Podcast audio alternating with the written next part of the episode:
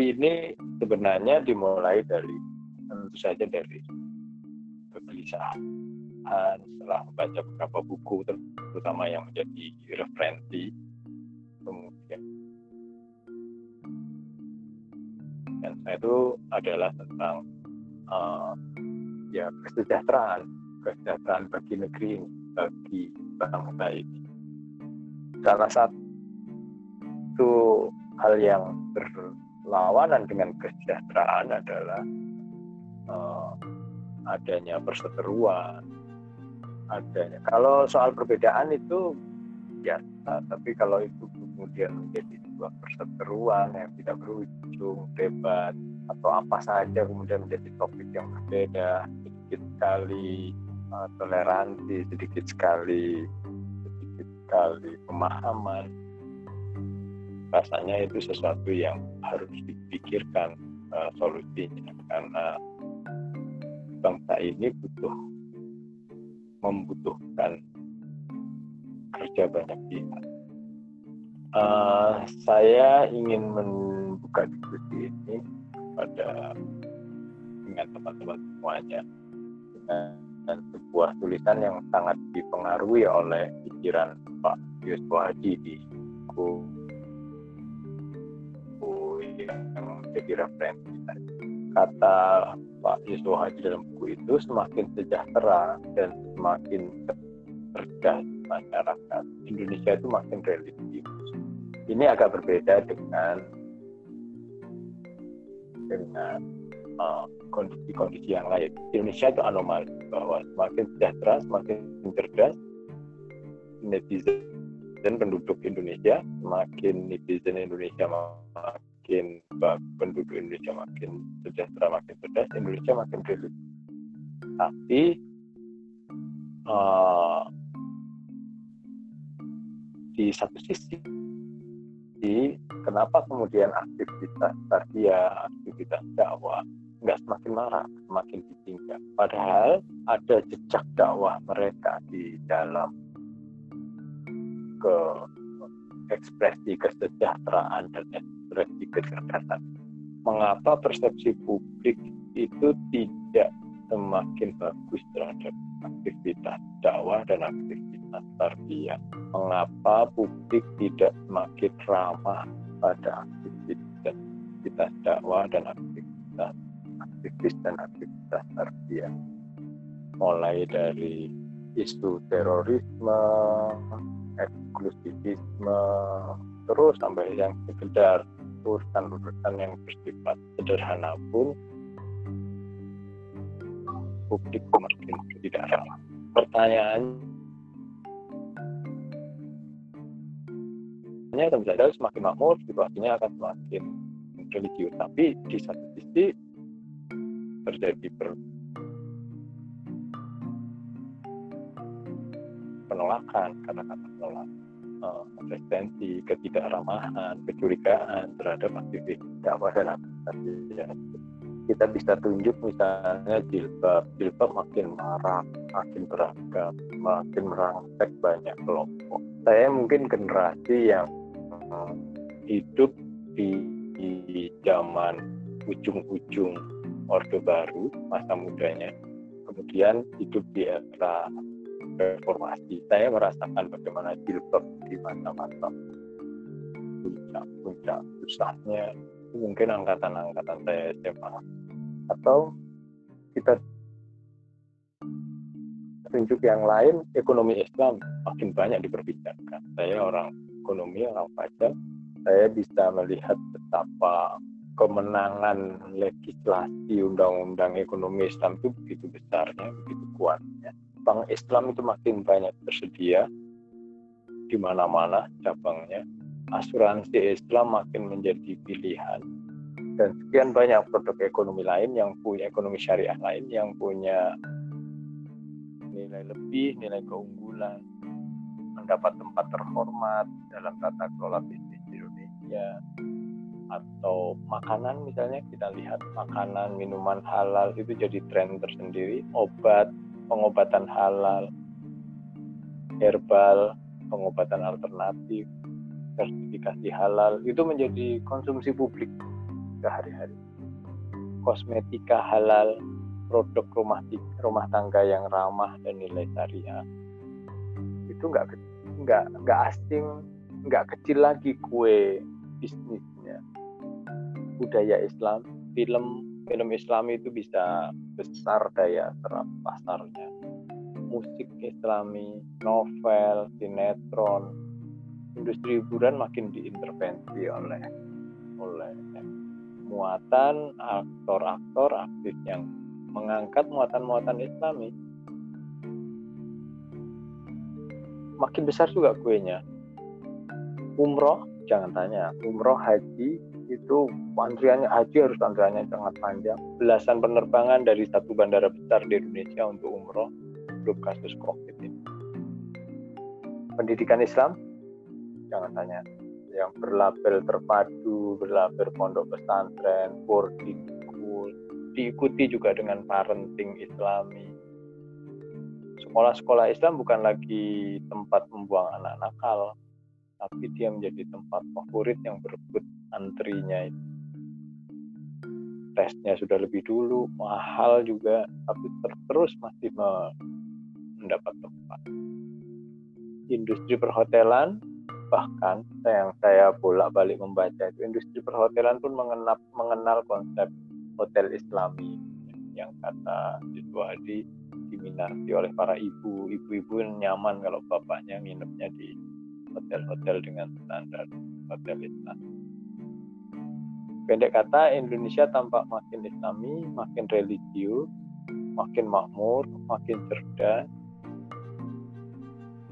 Meskipun saya tidak terlalu sepakat dengan istilah baby boomer, karena baby boomers itu istilah yang diciptakan di ruang sosial yang lain dalam hal ini Amerika lalu kemudian ditarik ke Indonesia memang agak nggak sama tetapi kira-kira ada kesamaannya Indonesia makin religius makin makmur makin islami makin cerdas makin sejahtera makin menyerap nilai-nilai Islam. Ada sekelompok anak muda orang muda Indonesia yang mendapat kesempatan untuk hidup lebih makmur.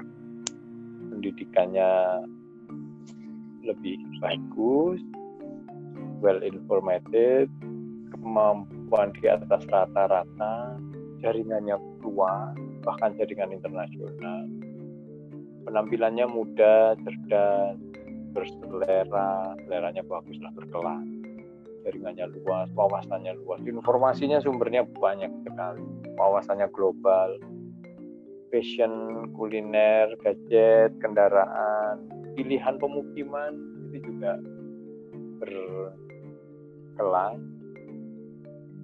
Pilihan proteksinya, semuanya serba religius, makin religius, fashionnya makin religius, kulinernya juga pertimbangan halal haram dan lain sebagainya. Secara arbiter, mereka yang berdirikan di atas itu biasa disebut kelas menengah muslim. Memang ini istilah yang saya bahas sendiri di satu bab untuk menyebutkan siapa kelas menengah muslim. Tetapi kita kita singkirkan dulu lah perbedaan apakah para orang muda yang berpenghasilan lebih bagus di atas rata-rata pendidikannya lebih bagus jaringannya lebih luas, kawasannya mengglobal dan seterusnya itu. Apakah itu layak disebut kelas menengah muslim? Kita lihat. Tapi sementara itulah yang saya sebut sebagai kelas menengah muslim. Patut diduga apa yang terjadi pada kelompok yang muncul di Indonesia berkaitan dengan apa yang saya sebut dengan kelas menengah muslim itu memiliki kaitan dengan kerja-kerja dakwah dan tarbiyah. Uh, saya punya referensi karya Ali Said Damanik misalnya uh, merunut pada teori kelahiran kelahiran tarbiyah di Indonesia atau teori-teori transformasi gerakan di Indonesia karya-karya masa lampaunya karya-karya pada mereka tampil di publik kiprah politiknya muatan nilainya pemikiran-pemikirannya, ajaran-ajarannya, dan corak kultural yang dikembangkan sangat patut diduga bahwa bagian yang terjadi di Indonesia hari ini adalah karya kelompok tarbiyah. Misalnya saja bisa di misalnya saja kita bisa lihat bahwa dalam sepotong sejarahnya Indonesia itu menghasilkan suasana yang diwarnai dengan pembatasan, pengekangan, tertutupan pada waktu itu. Situasi ini menjadi pembenar atas analisis dari mulai munculnya sekelompok anak muda dengan semangat tinggi untuk mempelajari Islam atas respon di, uh, sebagai respon atas situasi. Muncul pengajian-pengajian di kampus, masjid-masjid kampus, bahkan kampus-kampus yang tidak punya masjid, kampus-kampus ternama di Indonesia muncul sepot, sepotong dalam sepotong sejarahnya muncul gerakan yang atau gagasan atau pemikiran dari sekelompok anak muda ini. Masjid-masjid kampus jadi ruang publik untuk menyemai nilai Islam ala anak-anak muda ini. Nah inilah yang cikal bakal yang kemudian disebut sebagai cikal bakal apa yang terjadi di Indonesia hari ini mereka punya jaringan luas, mereka punya pengetahuan, kesempatan merekrut pendidikan di kampus-kampus ternama, jauh berbeda dengan masa-masa itu. Masa-masa itu anak-anak muda yang ada di kampus di berbagai kampus di Indonesia itu pembahasannya tentang adin, sederhana saja. Waktu itu mereka membahas melingkar, alako, punya liko, kemudian membahas tentang adin, kesadaran bahwa Islam itu adalah adin yang paduan antara akidah, syariat, nizam, kaos-kaos, stiker-stiker, Islam is my way of life dan Islam is my apa uh, my uh, Islam is adalah din dan seterusnya. Kalimat-kalimat saya tidak terlalu hafal tapi kaos, stiker, buku, notes dan itu menjadi menjadi ekspresi ketika itu. Pada masa-masa itu pekerjaan anak-anak muda itu takwid. Mereka membuat membuat transformasi takwin jahala idal ma'rifah kalau dalam bahasa materi-materi yang biasa disampaikan oleh para ustadznya ketika itu mereka mengubah kebodohan itu menjadi pemahaman menjadi pemahaman bahwa Islam adalah din yang berkaitan dengan akidah, berkaitan dengan syariat dan termasuk berkaitan dengan nizam atau way of life. Itu yang mereka pahami, mereka mereka ulang-ulang, mereka kaji dalam kajian-kajian, dalam halakoh, dalam lingkaran-lingkaran halakoh mereka, dalam pertemuan-pertemuan itu, tapi tidak berhenti di situ. Walaupun bukan patahan yang kasar, tapi anak-anak muda itu, anak-anak muda di zaman itu tidak berhenti sampai aktivitas takwin. Mereka mengubah denyut gerakan denyut gerakan mereka, melanjutkan tampil ke hadapan publik, memunculkan agenda yang tidak tidak saja dinikmati oleh mereka, publik mulai menikmati mereka, misalnya saja publik mulai akrab dengan lembaga-lembaga mereka, ada bimbingan tes islami dengan mentor anak-anak muda bersekitar mahasiswa, IP bagus, jebolan kampus terkemuka. Bimbingan tes islami ini kemudian menjadi karya mereka. Mereka melanjutkan dari pekerjaan-pekerjaan takdim itu, pekerjaan halakoh-halakoh, kemudian mereka punya yang saya sebut saya misalnya adalah bimbingan tes. Dan sangat menarik mentornya anak-anak muda punya IP bagus, jebolan kampus-kampus terkemuka, atau sebut saja majalah Islami dengan segmentasi ya, pasar yang alternatif di tengah dominannya majalah sekuler di pasar Indonesia. Misalnya saja kita bisa kenal majalah ketika itu ada majalah Umi misalnya yang seperti menjadi alternatif bagi para perempuan Indonesia atau majalah majalah-majalah pemikiran, majalah-majalah Tarbawi dan seterusnya. Saya tidak terlalu ingat judul majalah-majalah seluruhnya, tetapi yang paling fenomenal mungkin UPI. Lembaga dakwah menyediakan dai dan penceramah. Banyak ada lembaga-lembaga yang bisa menyediakan dai dan penceramah bagian dari mereka sudah menjadi pengambil keputusan di BUMN, di perusahaan swasta, di kementerian atau lembaga negara, yang kemudian mengundang para dai yang ada di lembaga-lembaga itu penceramahnya lulusan Timur Tengah uh, sangat menguasai ilmu-ilmu agama sangat menarik untuk jadi dai dan penceramah. Ramadan-Ramadan itu biasanya diisi oleh safari-safari penceramah-penceramah itu satu hal lain misalnya juga lembaga-lembaga filantropi Islam, lembaga-lembaga zakat, infak, sodakoh, wakaf, gerakan-gerakannya terus berkembang.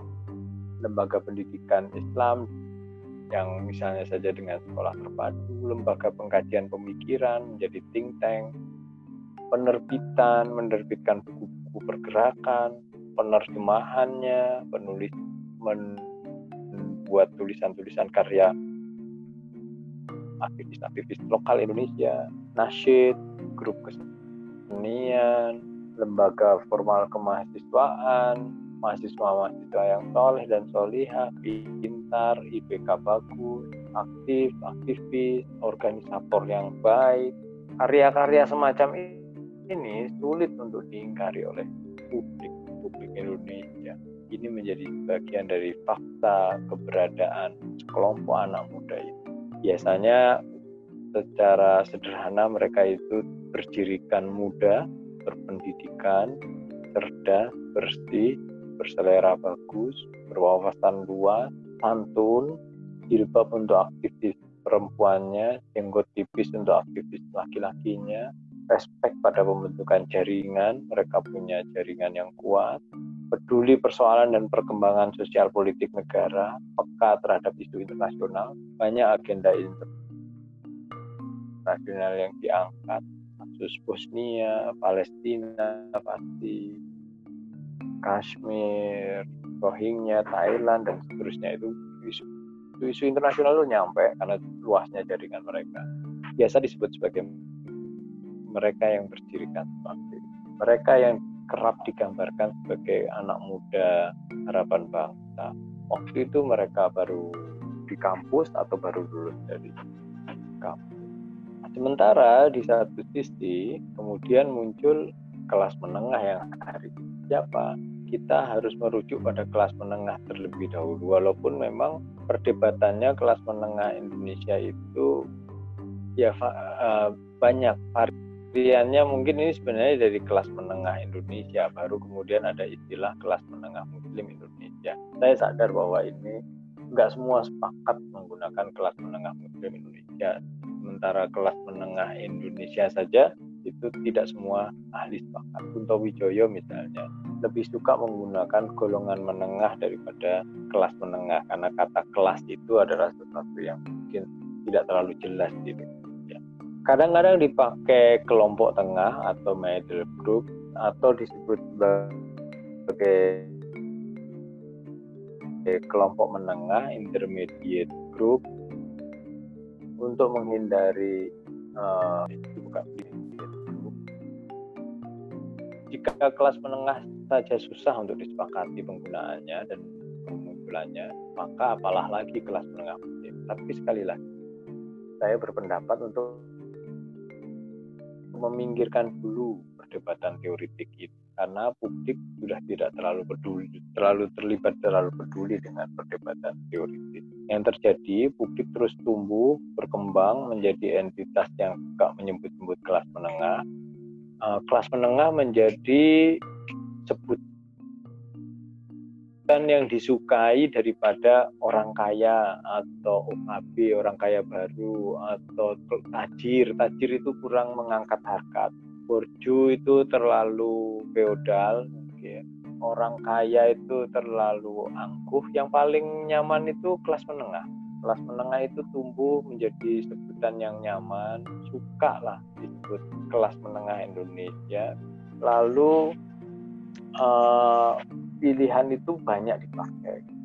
Saya juga merujuk satu artikel yang mempertanyakan kenapa di Amerika orang lebih suka disebut sebagai kelas menengah daripada uh, orang kaya atau kelompok borjuis atau orang-orang tajir dan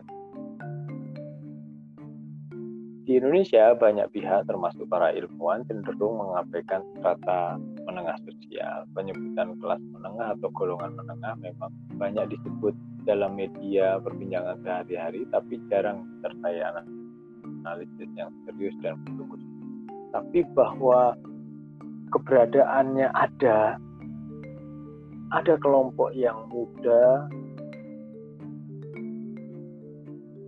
religius berpenghasilan bagus, berwawasan luas di bulan kampus terbaik atau kampus ternama itu ada. Cenderung konsisten melakukan perubahan-perubahan idenya itu ada. Tetapi siapa mereka agak susah disebut tapi saya sementara menyebutnya sebagai kelas menengah muslim mengikuti selera penyebut. Nah, kalau disebut sebagai kumpulan ya kumpulan individu yang dinamis di antara dua kelas yang terpolarisasi itu, kelas pemodal dan kelas pekerja, kemudian ada kelas menengah yang bukan penguasa kapital, bukan penguasa modal, tapi mereka punya penghasilan yang cukup untuk mengendalikan atau membiayai gagasannya. Mereka punya jaringan yang cukup untuk mempromosikan gagasan jadi istilah kelas menengah merujuk pada mereka yang menempati strata biasanya wira swasta, pekerja komersil, finansial, atau kalangan profesional. Kelas menengah Indonesia merujuk pada mereka yang bukan kaum borjuasi, bukan bangsawan, bukan pemilik modal. Tanpa modal tersebut, kelompok menengah ini sering kali uh, punya pengaruh yang relatif konsisten, yang tidak dapat menentukan secara konsisten karena memang tidak ada modal, tapi punya jaringan, punya pengetahuan. Kelas menengah Indonesia merujuk pada kelompok heterogen yang tidak memiliki kesamaan agama, etnis, dan tempat kelahiran. Secara politis dan ideologis, kelas menengah terwakili oleh kaum profesional. Kelas menengah Indonesia tidak terlalu revolusioner. Kita mengenal sejak awal kelahiran bangsa ini kelas menengah sudah melakukan uh, uh, strategi ganda atau respon ganda kepada penjajah bekerja sama tetapi juga terus menggelorakan ide kemerdekaan Indonesia. Nah sekarang di sini dan, dan sekarang istilah kelas menengah tidak lagi hanya merujuk dan berakar pada mana yang menunjuk ke status ekonomi dan perbedaan dengan kelas ekonominya semata. Tapi kini kelas menengah itu menjadi status, merek atau label yang yang berkaitan, yang lebih banyak berkaitan dengan tren, kinian, gaya hidup. Kelas menengah di Indonesia hari ini saya berpendapat bahwa kelas menengah atau siapa pun yang suka menyebut dirinya sebagai kelas menengah itu lebih lebih berkaitan dengan aspek tren trendy tren ya tren atau gaya hidup. Nah, dua dua elemen ini elemen tarbiyah yang muda, cerdas, berpenghasilan, bagus, kemudian berwawasan luas, punya jaringan yang luas, itu punya punya partner kelas menengah Muslim Indonesia yang juga tumbuh dengan gayanya, dengan gagasannya, tumbuh dengan pikiran-pikirannya.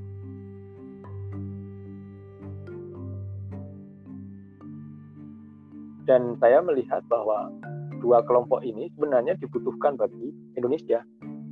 Dibutuhkan bagi Indonesia. Indonesia membutuhkan dua-duanya. Ini perpaduan yang baik. Tapi sayangnya itu tidak tidak baik atau belum baik atau harus diusahakan lebih baik. Dan saya mencatat tujuh pola uh, relasi antara uh, katakanlah kelompok tarbiyah dan dakwah itu dengan uh, kelas menengah Muslim Indonesia.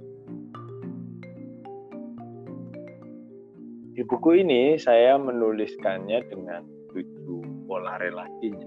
Yang pertama, mengawali tapi tidak berlanjut. Yang pertama adalah mengawali tapi tidak berhasil. Tentu mananya relatif ya. Saya tidak sedang mengatakan bahwa semua yang baik di Indonesia ini diawali oleh uh, gerakan tarbiyah. Tidak. Tetapi sebagiannya itu diawali oleh uh, kelompok tarbiyah ini. Tapi sayangnya kelompok tarbiyah ini tidak lagi mampu menindaklanjuti. Misalnya di halaman 146 saya menuliskan di pola relasi itu saya mencoba menuliskan. Misalnya saja memulai dari dakwah prinsip dakwah menol, uh, menolak prinsip dakwah yang didasarkan pada keputusasaan. Pesimisme itu dihilangkan di, di dikurangi. Kemudian aktivitas tarbiyah banyak mengangkat tentang optimisme.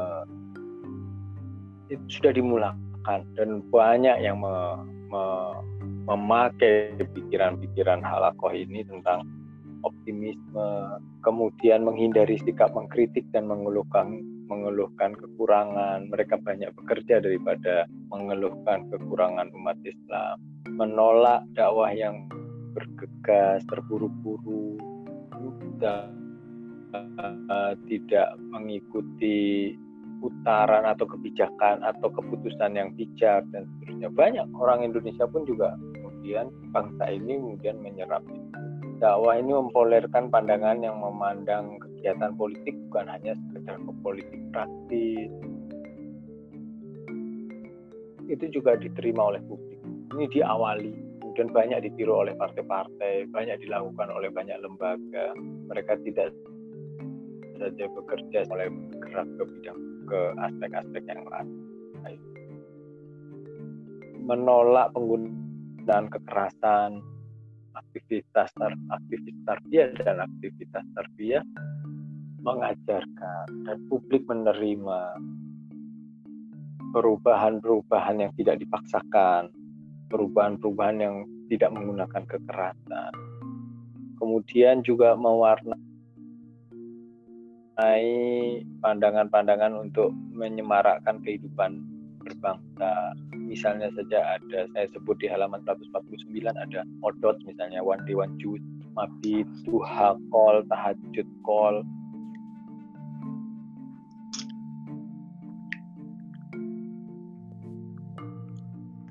Valentine walaupun majelis kemudian selesai berhenti di sana berganti dengan suasana perseteruan tidak lagi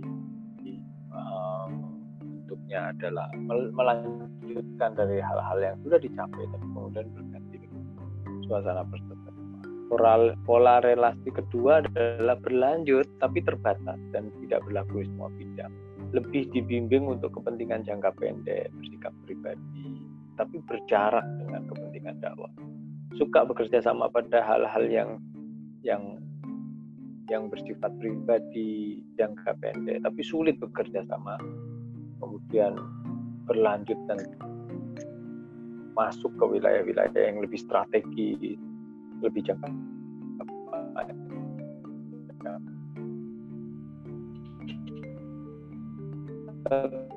tetap dekat, nah tetap dekat. Ada banyak hal yang mengharuskan mereka berdekatan. Dunia maya juga masih saling bisa mengawasi, nimbrung tapi tidak lagi membimbing dan mempengaruhi. Awalnya susah bagi aktivis tarbiyah untuk menikmati suasana ini. Kok cuma dekat tapi tidak bisa mempengaruhi. Tapi lama-lama pragmatis juga. Ya sudah, apa yang bisa dilakukan. Kemudian pola relasi yang keempat membimbing tapi tidak mengontrol. Masing-masing punya agenda, bergerak sesuai kehendak masing-masing. Tidak ada koordinasi ini masih bagus tidak ada koordinasi. Kadang-kadang malah mungkin berlawan-lawanan berlaku mekanisme politik viral saling menyeret tidak ada kontrol dan evaluasi. Yang kelima saling menguntungkan secara personal tapi tidak secara jamaah saling memberikan manfaat. Satu memberi satu menjual satu membeli saling ada bisnis. Tapi dia sebatas personal saja. Tidak bisa bergerak menjadi sebuah kegerakan bersama gerakan dakwah menjaga jarak dan juga sebaiknya kelas menengah juga menjaga jarak. Saling menguntungkan secara personal. Kelas menengah nitipin pendidikan pesantren-pesantren dan sekolah yang dikelola oleh aktivis tarbiyah. Aktivis tarbiyah juga meminta bantuan filantropi untuk sekolah dan pendidikannya dari kelas menengah. Saling menguntungkan. Ada hubungan tetapi batas personal dan tidak masuk ke, ke keuntungan bersama sebagai sebagai daya kesejahteraan atau atau hal yang bersifat nasional kebangsaan ke Indonesia. Kemudian yang keenam, hubungan yang saling merembaskan nilai. Tarbiyah mengajarkan dakwah yang berstruktur, rapi, tidak tergesa-gesa, menghindari kekerasan, menggunakan banyak dialog. Itu diadopsi, diterima oleh kelas menengah. Tapi kelas menengah juga menawarkan gaya, lifestyle, fashion, kuliner, otomotif, orang-orang tarbiyah pun pasti berbicara tentang traveling, tentang otomotif, tentang fashion, lifestyle, kuliner, bisnis, saling merebutkan. Bersama yang ketujuh, yang terakhir bersama tapi tidak selalu menjadi teladan. Sebagai akibatnya tidak semua aktivis dakwah cukup menjadi teladan. Ada saja yang harus dilemahkan, nggak nyaman di sisi ini, nggak nyaman di sisi itu, nggak nyaman, saling punya Padahal mereka punya potensi kalau ini bersama kita akan lebih baik. Nah persoalan berikutnya apa yang saya sarankan? Kalau kemudian saya menggambarkan bahwa ada ini sebenarnya dari awal bareng, dari kampus bareng, tapi kemudian ada perbedaan, lalu ada pola relasi yang saya melihat Indonesia butuh pola relasi yang lebih bagus lagi supaya mereka supaya Indonesia itu bisa baik tidak hanya berisik di dunia maya, berisik di perseteruan-perseteruan yang enggak jelas, saling mengunggulkan dirinya, saling merasa hebat di dunia maya. Apa saja diangkat dan ada yang mau melawan, ada yang saling mendukung. Ini bukan hal yang bagus saya gitu. Dan saya pikir Indonesia perlu mengerjasamakan antara antara gagasan-gagasan yang dipikir oleh Istarbia dan gagasan-gagasan yang diusung oleh bukan saling menafikan, bukan saling merasa benar, bukan merasa sombong, merasa lebih baik dan yang Nah, saya memberikan catatan untuk kelompok tarbiyah dan saya memberikan komentar untuk Sudah saatnya para catatan saya untuk kelompok tarbiyah, sudah saatnya para aktivis Islam memahami bahwa mereka tidak selamanya pihak yang benar secara otomatis nggak taken for granted. Prestasi masa lalunya itu didapat dengan melalui keputusan-keputusan yang tepat dalam menyikapi zamannya. Dan itu nggak otomatis dan itu nggak selamanya. Ketika tarbiyah itu gagal membaca zamannya ketika tarbiyah itu gagal mengambil membuat keputusan-keputusan yang sesuai dengan zamannya itu nggak bisa lagi tadi yang merasa benar. Ini sekali lagi saya katakan bukan second organ, nggak otomatis. Ada masanya apa yang bagus dan tepat di masa lalu akan menjadi kurang tepat di masa kini. Ada saatnya apa yang mencukupi di masa lalu menjadi sesuatu yang kurang bermanfaat, kurang maknanya di masa kini. Perasaan tak cukup lagi itu tidak bisa dihakimi sebagai hal yang salah. Harus ada upaya-upaya untuk perbaikan. Ini catatan saya untuk kelompok ya sudah saatnya aktivis dakwah Islam menatap dirinya dan lingkungannya dengan pandangan yang lebih sesuai dengan zaman, dengan kekinian, dengan keindonesiaan. Perlu inovasi, pengembangan, perbaikan, dan atau evaluasi untuk hal-hal yang perlu dipikirkan kembali. Ini catatan saya. Kalau tidak, aktivis dakwah Islam akan dipaksa oleh situasi untuk hidup di dalam dakwah Indonesia, namun situasinya dengan situasi yang tidak memiliki sejarah gemilang nggak bisa melanjutkan berhenti. Sudah banyak gerakan dakwah di Indonesia yang berhenti meskipun punya kegemilangan di masa yang lalu. Kembali soal evaluasi kembali ke persoalan pengembangan inovasi. Jika tidak dakwah Islam akan hidup eksis di dakwah ini tapi ruangnya sempit dan jauh dari makna syamil seperti yang digaung-gaungkan dan prinsip atau menyeluruh. Hanya ada di beberapa ruang saja tarbiyah itu hidup untuk urusan pendidikan misalnya, untuk, untuk urusan filantropi, tapi nggak bisa berkembang ke lainnya. Atau dakwah Islam akan hidup dan eksis, tapi punya pengaruh yang kecil dan digantikan oleh elemen dakwah yang lain. Kembali ke persoalan inovasi, pengembangan, refleksi, eksis di Indonesia tapi nggak memiliki kekuasaan untuk mengontrol, hanya menghiasi hal-hal bagian-bagian tertentu jadi etalase saja hidup di etalase, nggak punya kekuatan untuk mengontrol dan evaluasi objek dakwah. Kali lagi kembali ke persoalan kekuatan untuk merefleksikan, menatap zamannya, inovasi, perbaikan. Kalau enggak ya dia akan hilang atau ada tapi kecil, kecil tapi tidak berpengaruh dan jadi uh, hiasan saja, hiasan bagi hidup.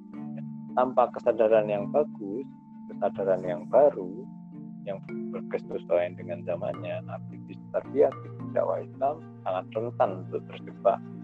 Sangat rentan untuk terjebak dalam situasi yang buruk, tertekan, sangat rentan terjebak dalam suasana yang minder, malu, tidak sesuai dengan zaman dan tanpa kesadaran yang bagus, kesadaran baru, aktivis Islam, aktivis tarbiyah, rentan terjebak dalam perasaan merasa sudah benar, publik yang salah, tidak ada lagi yang salah. Yang salah publik sudah pas sudah sesuai dengan situasi kekinian. Tanpa kesadaran yang baru yang bagus yang berkesesuaian dengan zaman aktivis dakwah Islam sangat rentan terjebak dalam wawasan yang sempit wawasan yang sempit kemudian terjebak dalam perasaan e, merasa benar publik yang salah. Tanpa kesadaran yang baru dan yang bagus uh, aktivis kardia sangat rentan tergoda untuk melakukan dakwah yang menghakimi tergoda untuk melakukan dakwah dengan kekerasan tergoda melakukan dakwah dengan paksaan terjebak dalam situasi-situasi buruk yang lain tanpa kesadaran yang bagus menjalankan dakwah dan membangun Indonesia memang tidak bisa sendiri, nggak bisa merasa benar sendiri, harus ada kerjasama. Dalam situasi yang sulit karena merupakan entitas politik, dakwah Islam harus berani melakukan penyesuaian, evaluasi, perbaikan.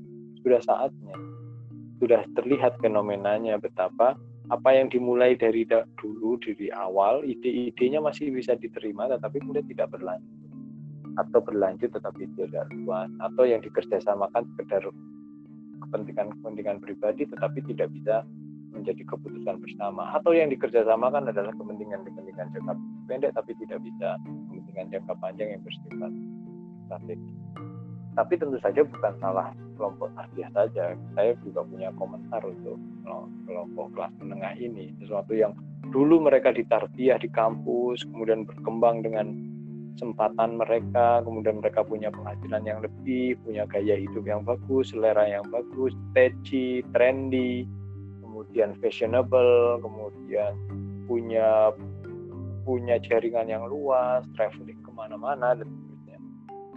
Di masa lalunya kelas menengah muslim itu bisa diidentifikasi dengan lebih jelas, baik di masa penjajahan dengan respon gandanya yang saya sebut tadi, baik maupun di respon awal kemerdekaan sampai kelelahan masa konstituante penuntutan tuntutan untuk menjadikan Islam sebagai dasar negara dan seterusnya capek lelah maupun ketika di awal di akhir-akhir penjajahan dengan respon gandanya bekerja sama dengan Belanda tapi juga kemudian terus menggaungkan ide kemerdekaan sampai kemudian datang Orde Baru mendatangkan hal baru, kelas menengah meningkat secara jumlah, sibuk mengumpulkan uang, menginvestigasi, menginvestasikan kembali, dan mulai kehilangan kekasan dan gaya gagasannya yang genuine.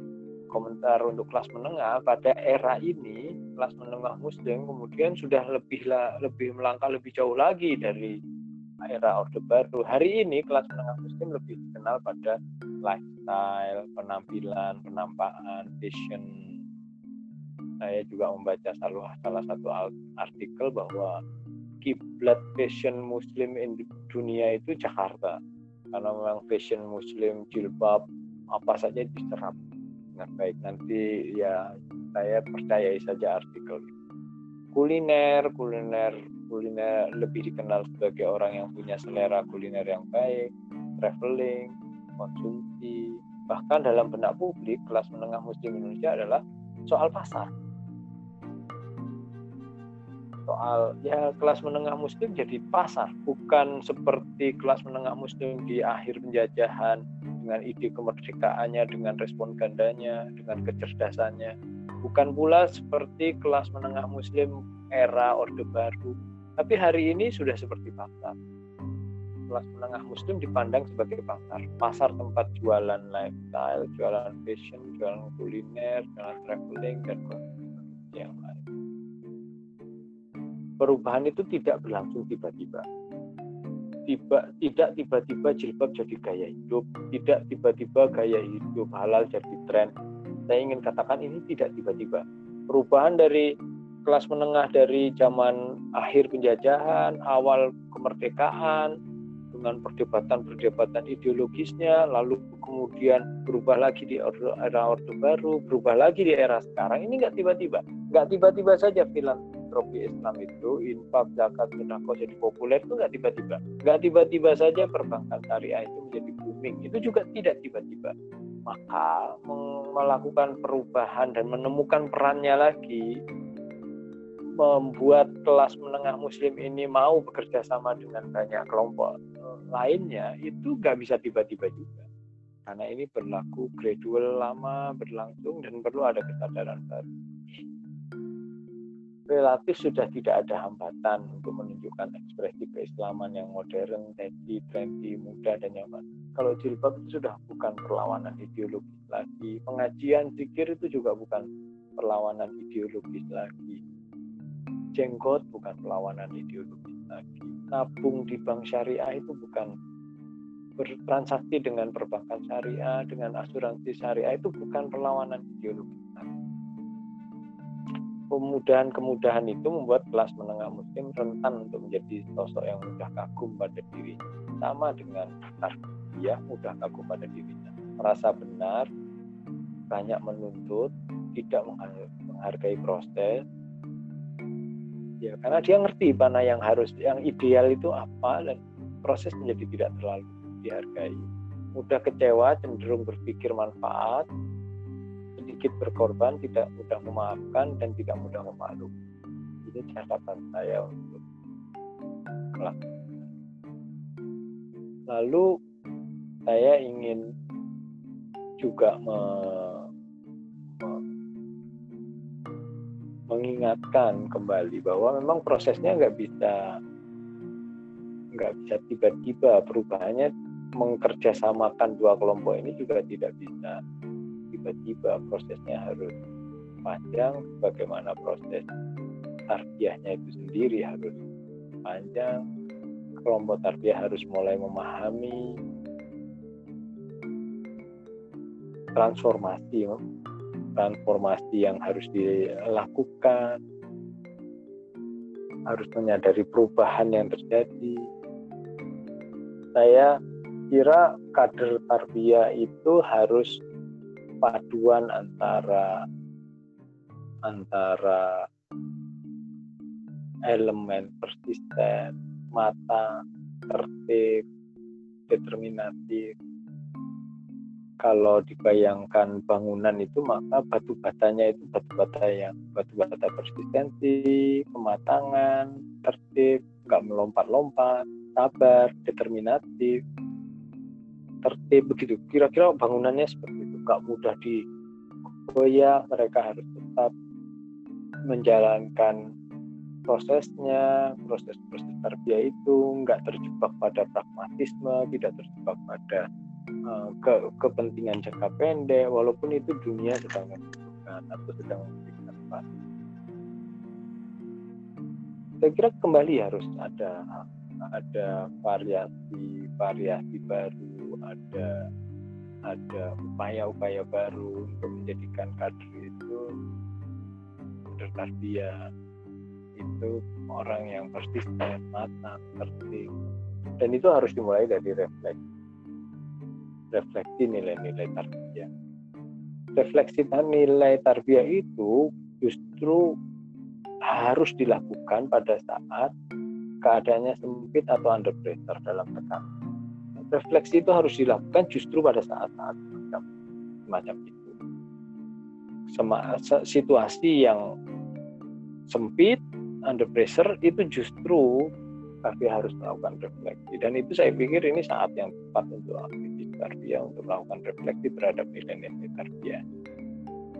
Sudahkah kita tarbiyah lah kira-kira itu pertanyaan sudahkah tarbiyah itu berorientasi pada ahdaf misalnya yang juga diterbitkan oleh Gaza tarbiyah itu soal ahdaf kembali ke ahdaf kembali ke substansi kembali ke tujuan bukan semata-mata penampilan bukan semata-mata ukuran politik bukan semata-mata ukurannya jangka pendek kehilangan nilai-nilai strategisnya. Dan itu harus dimulai dari refleksi. Proses evaluasi itu harus dilakukan dengan suasana keterbukaan, terus terangan, ketelitian, kejujuran. Kalau enggak tadi seperti saya bilang, tarbiyah itu akan kehilangan kehilangan kesempatan untuk melanjutkan langkah, bahkan makin dijauhi oleh publik, dimusuhi oleh kelas menengah, dimusuhi oleh kelompok-kelompok yang lain dan seterusnya, atau menjadi kecil, tidak berpengaruh. Nah, harus juga diidentifikasi kenapa kemudian tarbiyah itu tidak reflektif, tidak kurang reflektif, lemah refleksinya. Mungkin itu bisa dilihat dari tidak optimalnya sarana-sarana tarbiyah. Atau nggak dipahami sarana tarbiyah. Atau lemah kualitas murabi-murabinya. Berinteraksi dengan sarana tarbiyahnya itu juga mungkin bisa mulai lemah dengan aktivitas dakwahnya jadi sekedar ya pengajian pengajian mabit mabit naluri tarbiyahnya sudah hilang evaluasinya atau mutabaahnya lemah spiritnya hilang. Dan lain sebagainya. Buruknya kualitas itu kedekatan dengan Allah juga nah buku ini memang di akhir bagian akhir saya ingin menutup. Buku ini memang sederhana sifatnya sementara. Tapi buku ini bisa jadi teman berpikir. Buku ini bisa jadi teman berpikir dalam upaya menjadikan aktivis yang nggak merasa benar nggak punya feel nggak merasa lebih baik. Bangsa ini membutuhkan aktivis yang mampu bekerja sama dengan keragamannya. Bukan aktivis yang merasa benar yang tidak toleran apalagi sudah merasa benar ketinggalan zaman tidak tidak tidak adaptif, tidak reflektif, berbahaya sekali bagi bangsa ini secara Saya punya nasihat buat anak-anak saya tiga hal. Terus berpikir, lazimkan pikir, kembangkan sikap respek. Saya ingin menjadi nasihat. Tentu nasihat ini saya ingin diperhatikan oleh anak-anak saya, termasuk juga diperhatikan oleh publik Indonesia untuk terus berpikir. Tidak ada yang benar secara taken for granted ini ini benar itu karena melihat melihat suasana situasi tepat mengambil keputusan yang dipengaruhi oleh agama salah satunya oleh Islam. Kemudian lazimkan zikir kembangkan sikap respek saya kira memang buku ini buku yang sederhana tapi mungkin jadi bisa jadi teman berpikir bagaimana kemudian mengembangkan dakwah yang yang persisten diterima oleh publik yang aktivisnya itu matang, nggak cepat melompat-lompat, nggak mudah putus asa, nggak mudah kecewa, nggak mudah marah, nggak mudah uh, berpisah, nggak mudah meninggalkan dakwah, kelas menengahnya juga terus bisa terbimbing dengan baik, tidak didiskreditkan, tidak mendiskreditkan, tidak merasa hebat. Dan ini pekerjaan besar, tapi ya setidaknya bisalah dimulai dari pekerjaan kecil berupa menuliskan ini, buku gerakan dakwah Islam dan kelas Indonesia. Kelas demi Indonesia saya pikir harus ada refleksi dari aktivitas dakwah aktivis dakwah dan aktivis tarbiyah.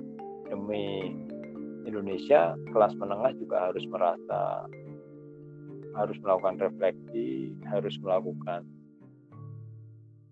pikiran-pikiran yang lebih strategis daripada sekedar tren dan tren dan gaya hidup lifestyle kadar fashion sekedar gadget dan sebagainya demi Indonesia.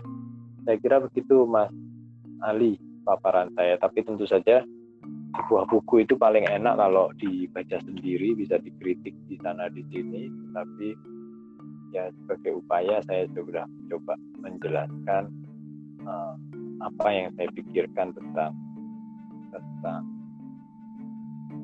dakwah tentang kelas menengah dan apa yang saya uh, kumpulkan dari banyak referensi sudah saya coba untuk menuliskan. Saya kira begitu Mas Ali. Terima kasih. Assalamualaikum warahmatullahi wabarakatuh. Waalaikumsalam warahmatullahi wabarakatuh. Jazakumullah khairan kasir kepada Ustadz Eko Novianto yang telah menyampaikan uh, materinya yang berkaitan dengan bedah buku gerakan dakwah Islam dan kelas menengah Muslim.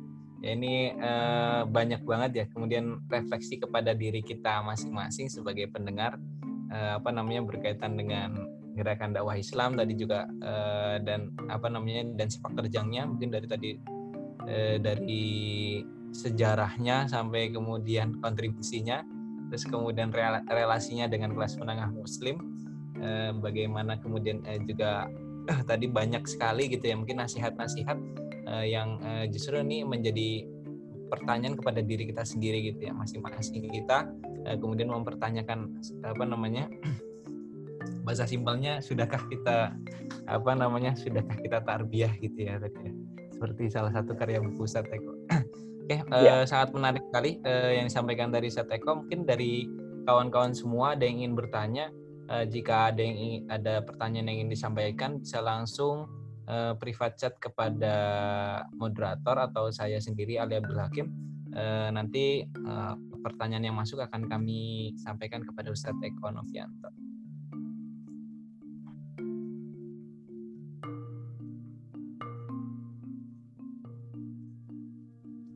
Ya monggo kepada Mas Hanif ya sebentar. Mas Hanif.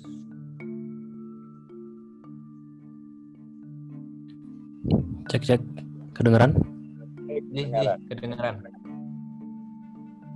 Oh ya.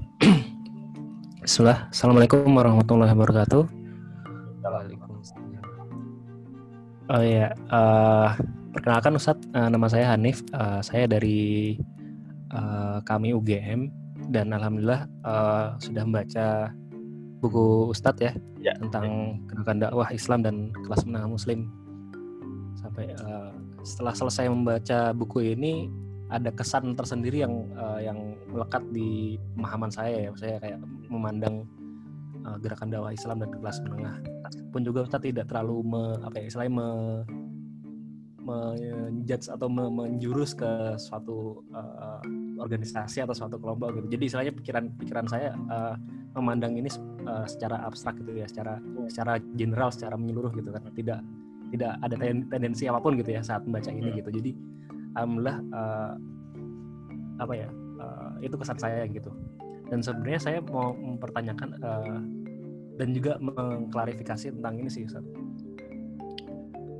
uh, menurut Ustadz sendiri gerakan dakwah Islam dan kelas menengah itu apakah menjadi sebuah entitas yang berbeda gitu ya hmm. dan tidak dan tidak bisa uh, disatukan gitu dalam hmm. memandang ini ya saya melihat entitasnya berbeda ya hmm. saya sendiri sebagai uh, apa namanya mungkin ada irisan-irisannya ya sebagai seorang ya. mungkin kalau misalnya boleh di apa namanya di di apa namanya dilihat dari buku ini kayak irisan dari aktivis dakwah Islam dan irisannya sebagai kelas menengah gitu karena memang uh, apa namanya pergaulan saya di kelas menengah juga tidak di uh, strata yang hedonis gitu dan juga tidak terlalu uh, sebagai seorang uh, anak petani atau mungkin di kelas bawah gitu kan.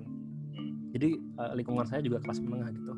Apakah menjadi sebuah entitas yang berbeda Ustaz kalau misalnya melihat gerakan dakwah dan apakah itu tidak, tidak menjadi satu entitas yang sama gitu? Gitu sih Ustaz terima kasih. Baik. Baik. Saya jawab langsung ya Mas Ali ya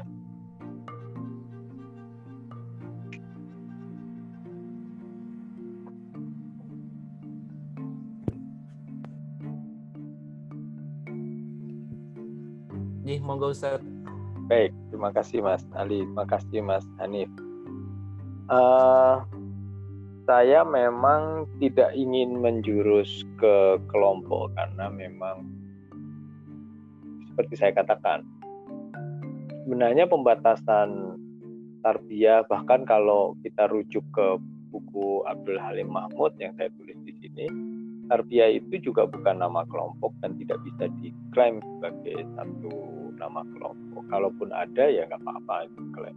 Tapi dia sebenarnya lebih kepada panduan untuk berinteraksi dengan manusia dan membangkitkan potensi kemanusiaannya. Itulah yang kemudian semua hal yang berkaitan dengan tarbiyah itu mengarah kepada bagaimana berinteraksi dengan manusia untuk manusia agar manusia itu bisa lebih baik.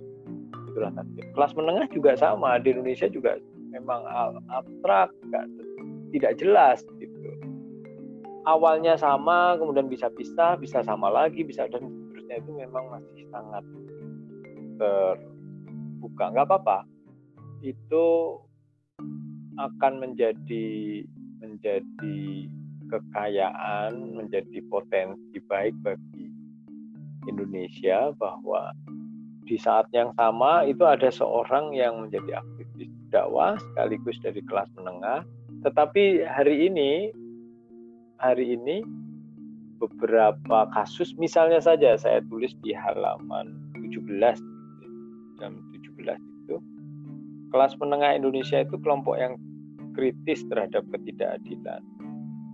Misalnya saja kalau dalam kajiannya uh, Samsudin Haris yang saya juga ambil dari sebagai referensi, kelas menengah itu bukan hanya konsumtif tapi religius. Kelas menengah di Indonesia juga peka terhadap ketidakadilan, korupsi, penyalahgunaan kekuasaan, pembusukan institusi demokrasi. Sejarah mencatat bahwa kelas menengah Indonesia memiliki peran signifikan dalam beberapa kasus.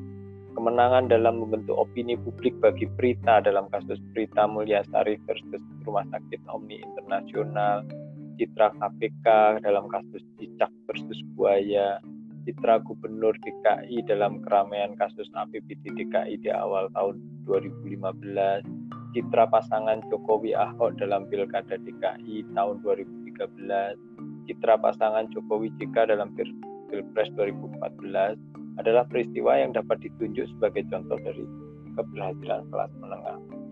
Jadi memang keberhasilan kelas menengah. Jadi memang abstrak ya kadang-kadang ada di sana aktivis tarbiyah ada dakwah masuk juga sebagai kelas menengah. Jadi bisa satu orang berdiri di dalam dua kelas yang memang sama-sama abstrak sama-sama cair saling mempengaruhi menyebar ke mana-mana tapi akan lebih bagus lagi kalau semakin sedikitlah agenda yang diperdebatkan dipolemikkan dan kalau dalam buku ini saya memang sengaja untuk tidak menjurus pada kelompok karena memang kelas menengah muslim Indonesia tidak dalam satu wadah gitu ya atau organisasi kelas menengah enggak begitu. Tarbiyah juga tidak dalam saya definisikan sebagai satu kelompok tarbiyah. Dan itu potensi bagus tapi juga sekaligus uh, rawan rawan rawan polemik, lawan perdebatan yang menguras tenaga yang tidak tidak bermanfaat bagi, bagi kemajuan kehidupan kita berbangsa dan bertanah air sebagai orang Indonesia. Itu kira-kira jawaban saya, Mas Hanif. Boleh menanggapi nggak Ustaz? Baik, silakan. Oh ya, uh, saat saat membaca buku saat ini uh, kelas menengah itu juga konsisten membawa perubahan ya? Ya, saya melihat yeah. masih ya, bahwa ide-ide perubahan. Cuma kadang-kadang ide-ide perubahan itu kemudian ya tetap saja ada perbedaan ya, tidak selalu sama seperti kelas menengah dari sejarahnya awal.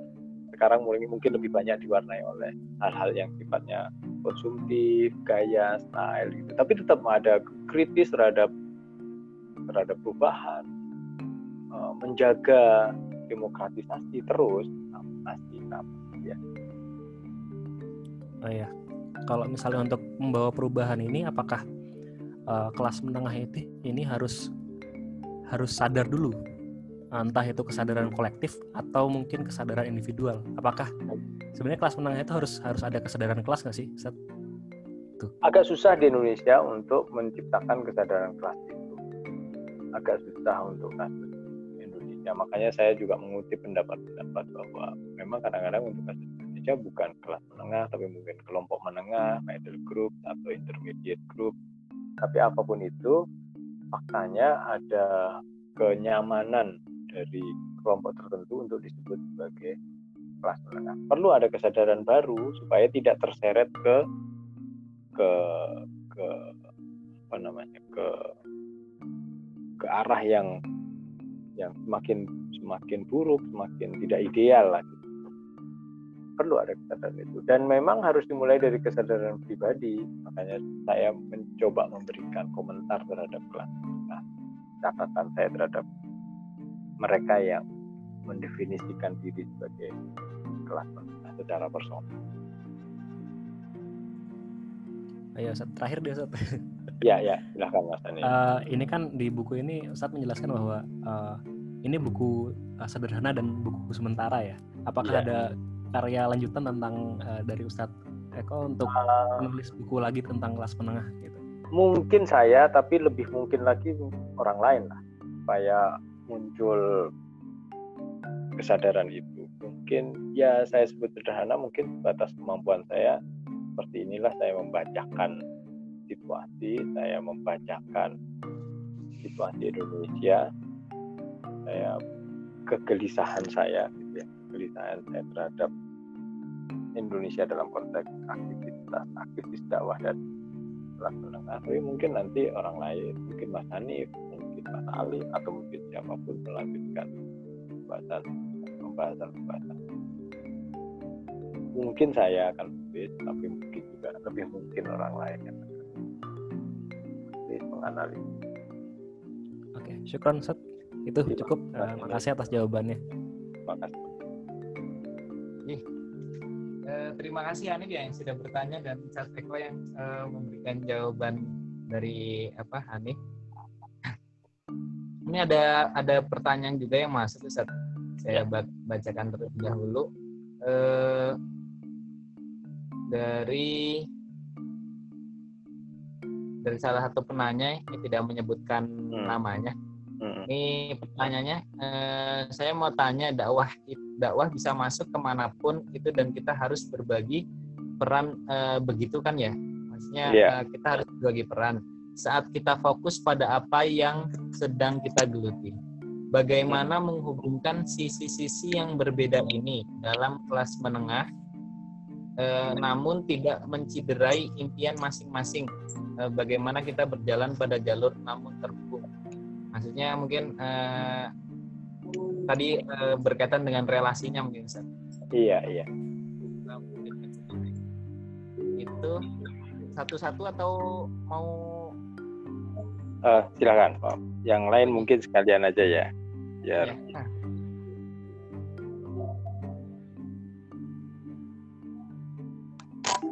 Ada dari uh, salah satu pertanyaan juga uh, berar uh, dari Istia Husna Zakia. Berarti refleksi ini bisa mulai diimplementasikan dari masing-masing personal ya Ustadz, baik dari hmm. tarbiyah maupun kelas menengah Uh, bukankah menekankan pada suatu struktur atau kolektif, bukan menekankan pada suatu struktur atau kolektif? Maksudnya uh, kepada ini lebih kepada iya. refleksi yang tadi mungkin kepada uh, masing-masing pribadi bukan kepada struktur atau kolektif. Itu pertanyaan yang yang kedua. Uh, dua pertanyaan itu saat yang masuk ke kami. Ya. yang pertama tadi berkaitan dengan relasi yang kedua berkaitan dengan refleksi. Uh, Bismillahirrahmanirrahim. Wabihi nasta'in wa Iya, harus berbagi peran. Kalimat enaknya itu memang harus berbagi peran, saling memahami, saling menghargai gitu ya. Tapi ini jadi kalimat klise kalau kita tidak punya uh, spesialisasi atau tidak punya aksentuasi. Saya pengen kita itu punya pikiran yang global tetapi juga punya ruang yang spesifik tapi tidak menghargai tidak menafikan yang lain ya memang harus ya bisanya melakukan apa tetapi berpikirnya harus besar yang sering jadi jebakan adalah kita bisa melakukan apa dan kemudian dunia itu sebesar apa yang kita lakukan. Kita bisa mikirnya apa, kemudian dunia itu sebesar pikiran kita. Padahal sebenarnya wawasan harus terbuka sangat lebar, tapi pekerjaan kita, peran kita, ya memang harus terbatas. Memang harus berafiliasi, memang harus punya identitas, memang harus punya kecenderungan, tetapi tidak boleh menafikan yang lain. Ini kalimat yang memang nyaman, enak, panjang, tapi harus menurut saya memang harus harus dilakukan orang itu harus punya afiliasi, orang harus punya identitas, identifikasinya harus jelas. Dia akan bekerja dengan pikiran-pikiran apa, pikiran siapa, pikiran komunitas apa, pikiran komunitas siapa, pengikut siapa, itu harus dia harus saya tidak membayangkan akan muncul orang-orang yang nggak jelas akar pemikirannya, nggak jelas identitasnya, nggak jelas pula cita-citanya. Atas nama netral, saya kok tidak pengen itu. Tapi orang harus punya identitas A, B, C, D dan seterusnya. Entah itu kadang-kadang dia sebagai A, B, C dan seterusnya. Tetapi dia tidak saling Ini harus saya sedang menjual itu, terus berpikir tentang bahwa identitas kita sebagai muslim nggak bisa dihilangkan demi Indonesia misalnya identitas saya sebagai Jawa mau dikemanakan jadi saya akan menjadi orang Jawa tapi saya tidak menafikan kelompok yang lain saya muslim tapi saya tidak boleh menafikan kelompok yang lain kira-kira harus kuat di, di identitasnya tapi harus harus luas di pikiran. Dan itu memang uh, harus dimulai dari masing-masing. Baik itu aktivis tarbiyah harus melakukan refleksi ini maupun uh, kelas menengah kemudian pertanyaan kedua ini personal saya cenderung personal. Daripada nunggu perbaikan komunitas baiknya kita sudah mulai melakukannya secara pribadi. Pribadi sudah harus melakukan refleksi ini. Secara pribadi sudah harus mulai melakukan perubahan, melepaskan fanatisme, tapi juga menguatkan pikroh gagasannya supaya kita persisten, supaya kita uh, makin makin kokoh, makin matang, gak melompat-lompat. Secara personal, pertanyaan kedua saya jawab personal. Lalu saya berharap personal-personal itu akan membawa perubahan kolektif. Saya berpikir selalu berpikir tentang perubahan refleksinya juga harus personal gagasannya personal. Nanti personal-personal itu yang tumbuh kemudian menjadi pribadi yang identitasnya kuat, langkahnya tegas, mantap, determinatif, tapi dia memahami bahwa ada kelompok lain yang juga harus bertindak tegas, kuat, alternatif lalu memkerjasamakan uh, keunggulan-keunggulan itu. Itu kira-kira Mas Ali. Jawaban saya untuk dua pertanyaan itu. Terima kasih Ustaz Teko atas jawabannya oh. berkaitan ya. dengan uh, tadi ya dua pertanyaan tersebut. Uh, dari teman-teman masih ada yang ingin bertanya mungkin? Ini sudah sudah larut ini juga udah larut ya. Jadi ya, uh, sepertinya belum ada lagi pertanyaan yang masuk oh, ke kami Ustaz. Ya. Uh, ya. Jadi, mungkin uh, apa tadi ya uh, sangat menarik ya Mas ya berkaitan dengan uh, kelas menengah ini dan juga tadi uh, masyarakat apa namanya gerakan dakwah Islam. Tadi justru uh, yang saya tangkap juga berarti ya masing-masing kita itu punya tugas yaitu uh, refleksi gitu ya refleksi berkaitan uh, apa namanya amal-amal kita yang ke depan terus kemudian bagaimana kemudian sudah kita bisa menyelesaikan dengan pembacaan zaman yang yeah. apa yang terus terus berubah gitu ya e, sesuatu yeah. yang mungkin dahulu itu bisa diterapkan tapi mungkin saat ini kita kemudian perlu kemudian apa namanya e, merefleksikan hal tersebut dan kemudian mungkin saja bisa ada gerakan-gerakan baru atau kemudian strategi-strategi baru yang bisa buat gitu ya dan dimulai semuanya dari masing-masing pribadi kita. Oke, uh, mungkin sedikit dari saat Eko untuk penyemangat para peserta pada malam hari ini mungkin ada sedikit motivasi buat kami Ustaz.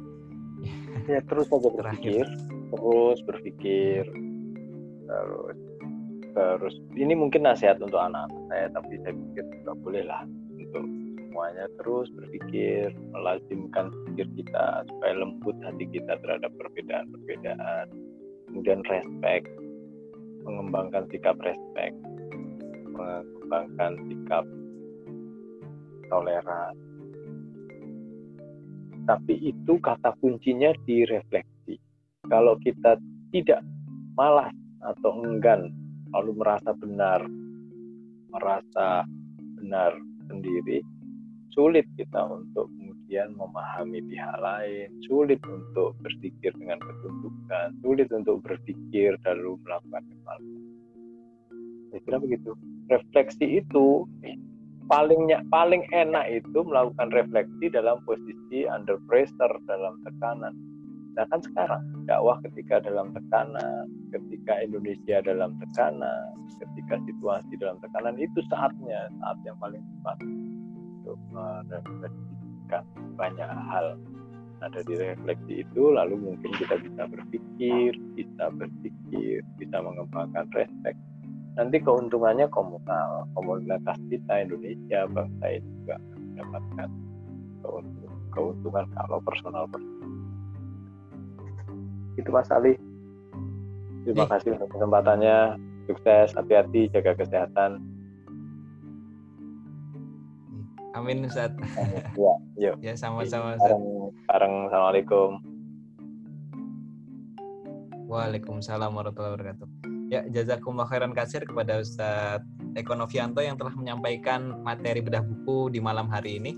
Uh, sangat luar biasa gitu uh, berkaitan dengan uh, apa namanya mat, uh, buku ini gitu ya bagi teman-teman. Tadi mungkin masih uh, baru masuk setengah diskusinya atau kemudian dari awal tapi kemudian masih penasaran dengan isi buku ini dan mungkin belum memiliki bukunya gitu ya. Nanti bisa menghubungi CP Gaza Bookstore uh, bisa dipesan langsung di sana. Dan khusus bagi teman-teman yang mengikuti diskusi pada malam hari ini kami dari Gaza Bookstore memberikan uh, potongan spesial bagi teman-teman yang mengikuti diskusi pada malam hari ini yaitu uh, potongan sebesar 30% Oke, uh, itu mungkin yang bisa kami sampaikan.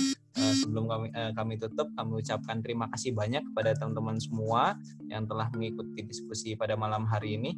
Semoga apa yang kita dapatkan bermanfaat bagi diri kita pribadi dan ke kepada lingkungan kita. Kurang lebihnya dari saya mohon maaf sebagai moderator. Uh, kami ucapkan terima kasih. Eh, dan khususnya kepada Ustadz Eko kami ucapkan terima kasih banyak yang telah menyempatkan waktunya untuk berdiskusi di malam hari ini menyampaikan gagasan yang begitu luar biasa. Eh, mari kita tutup forum pada malam hari ini dengan baca doa kafaratul majelis subhanallah wa bihamdika kurang lebihnya mohon maaf wassalamualaikum warahmatullahi wabarakatuh Waalaikumsalam. Nih, eh, terima kasih Ustaz. Uh, ya, jika ada aktivitas lain. Ya, makasih Mas Ali. Assalamualaikum. Ya, Waalaikumsalam.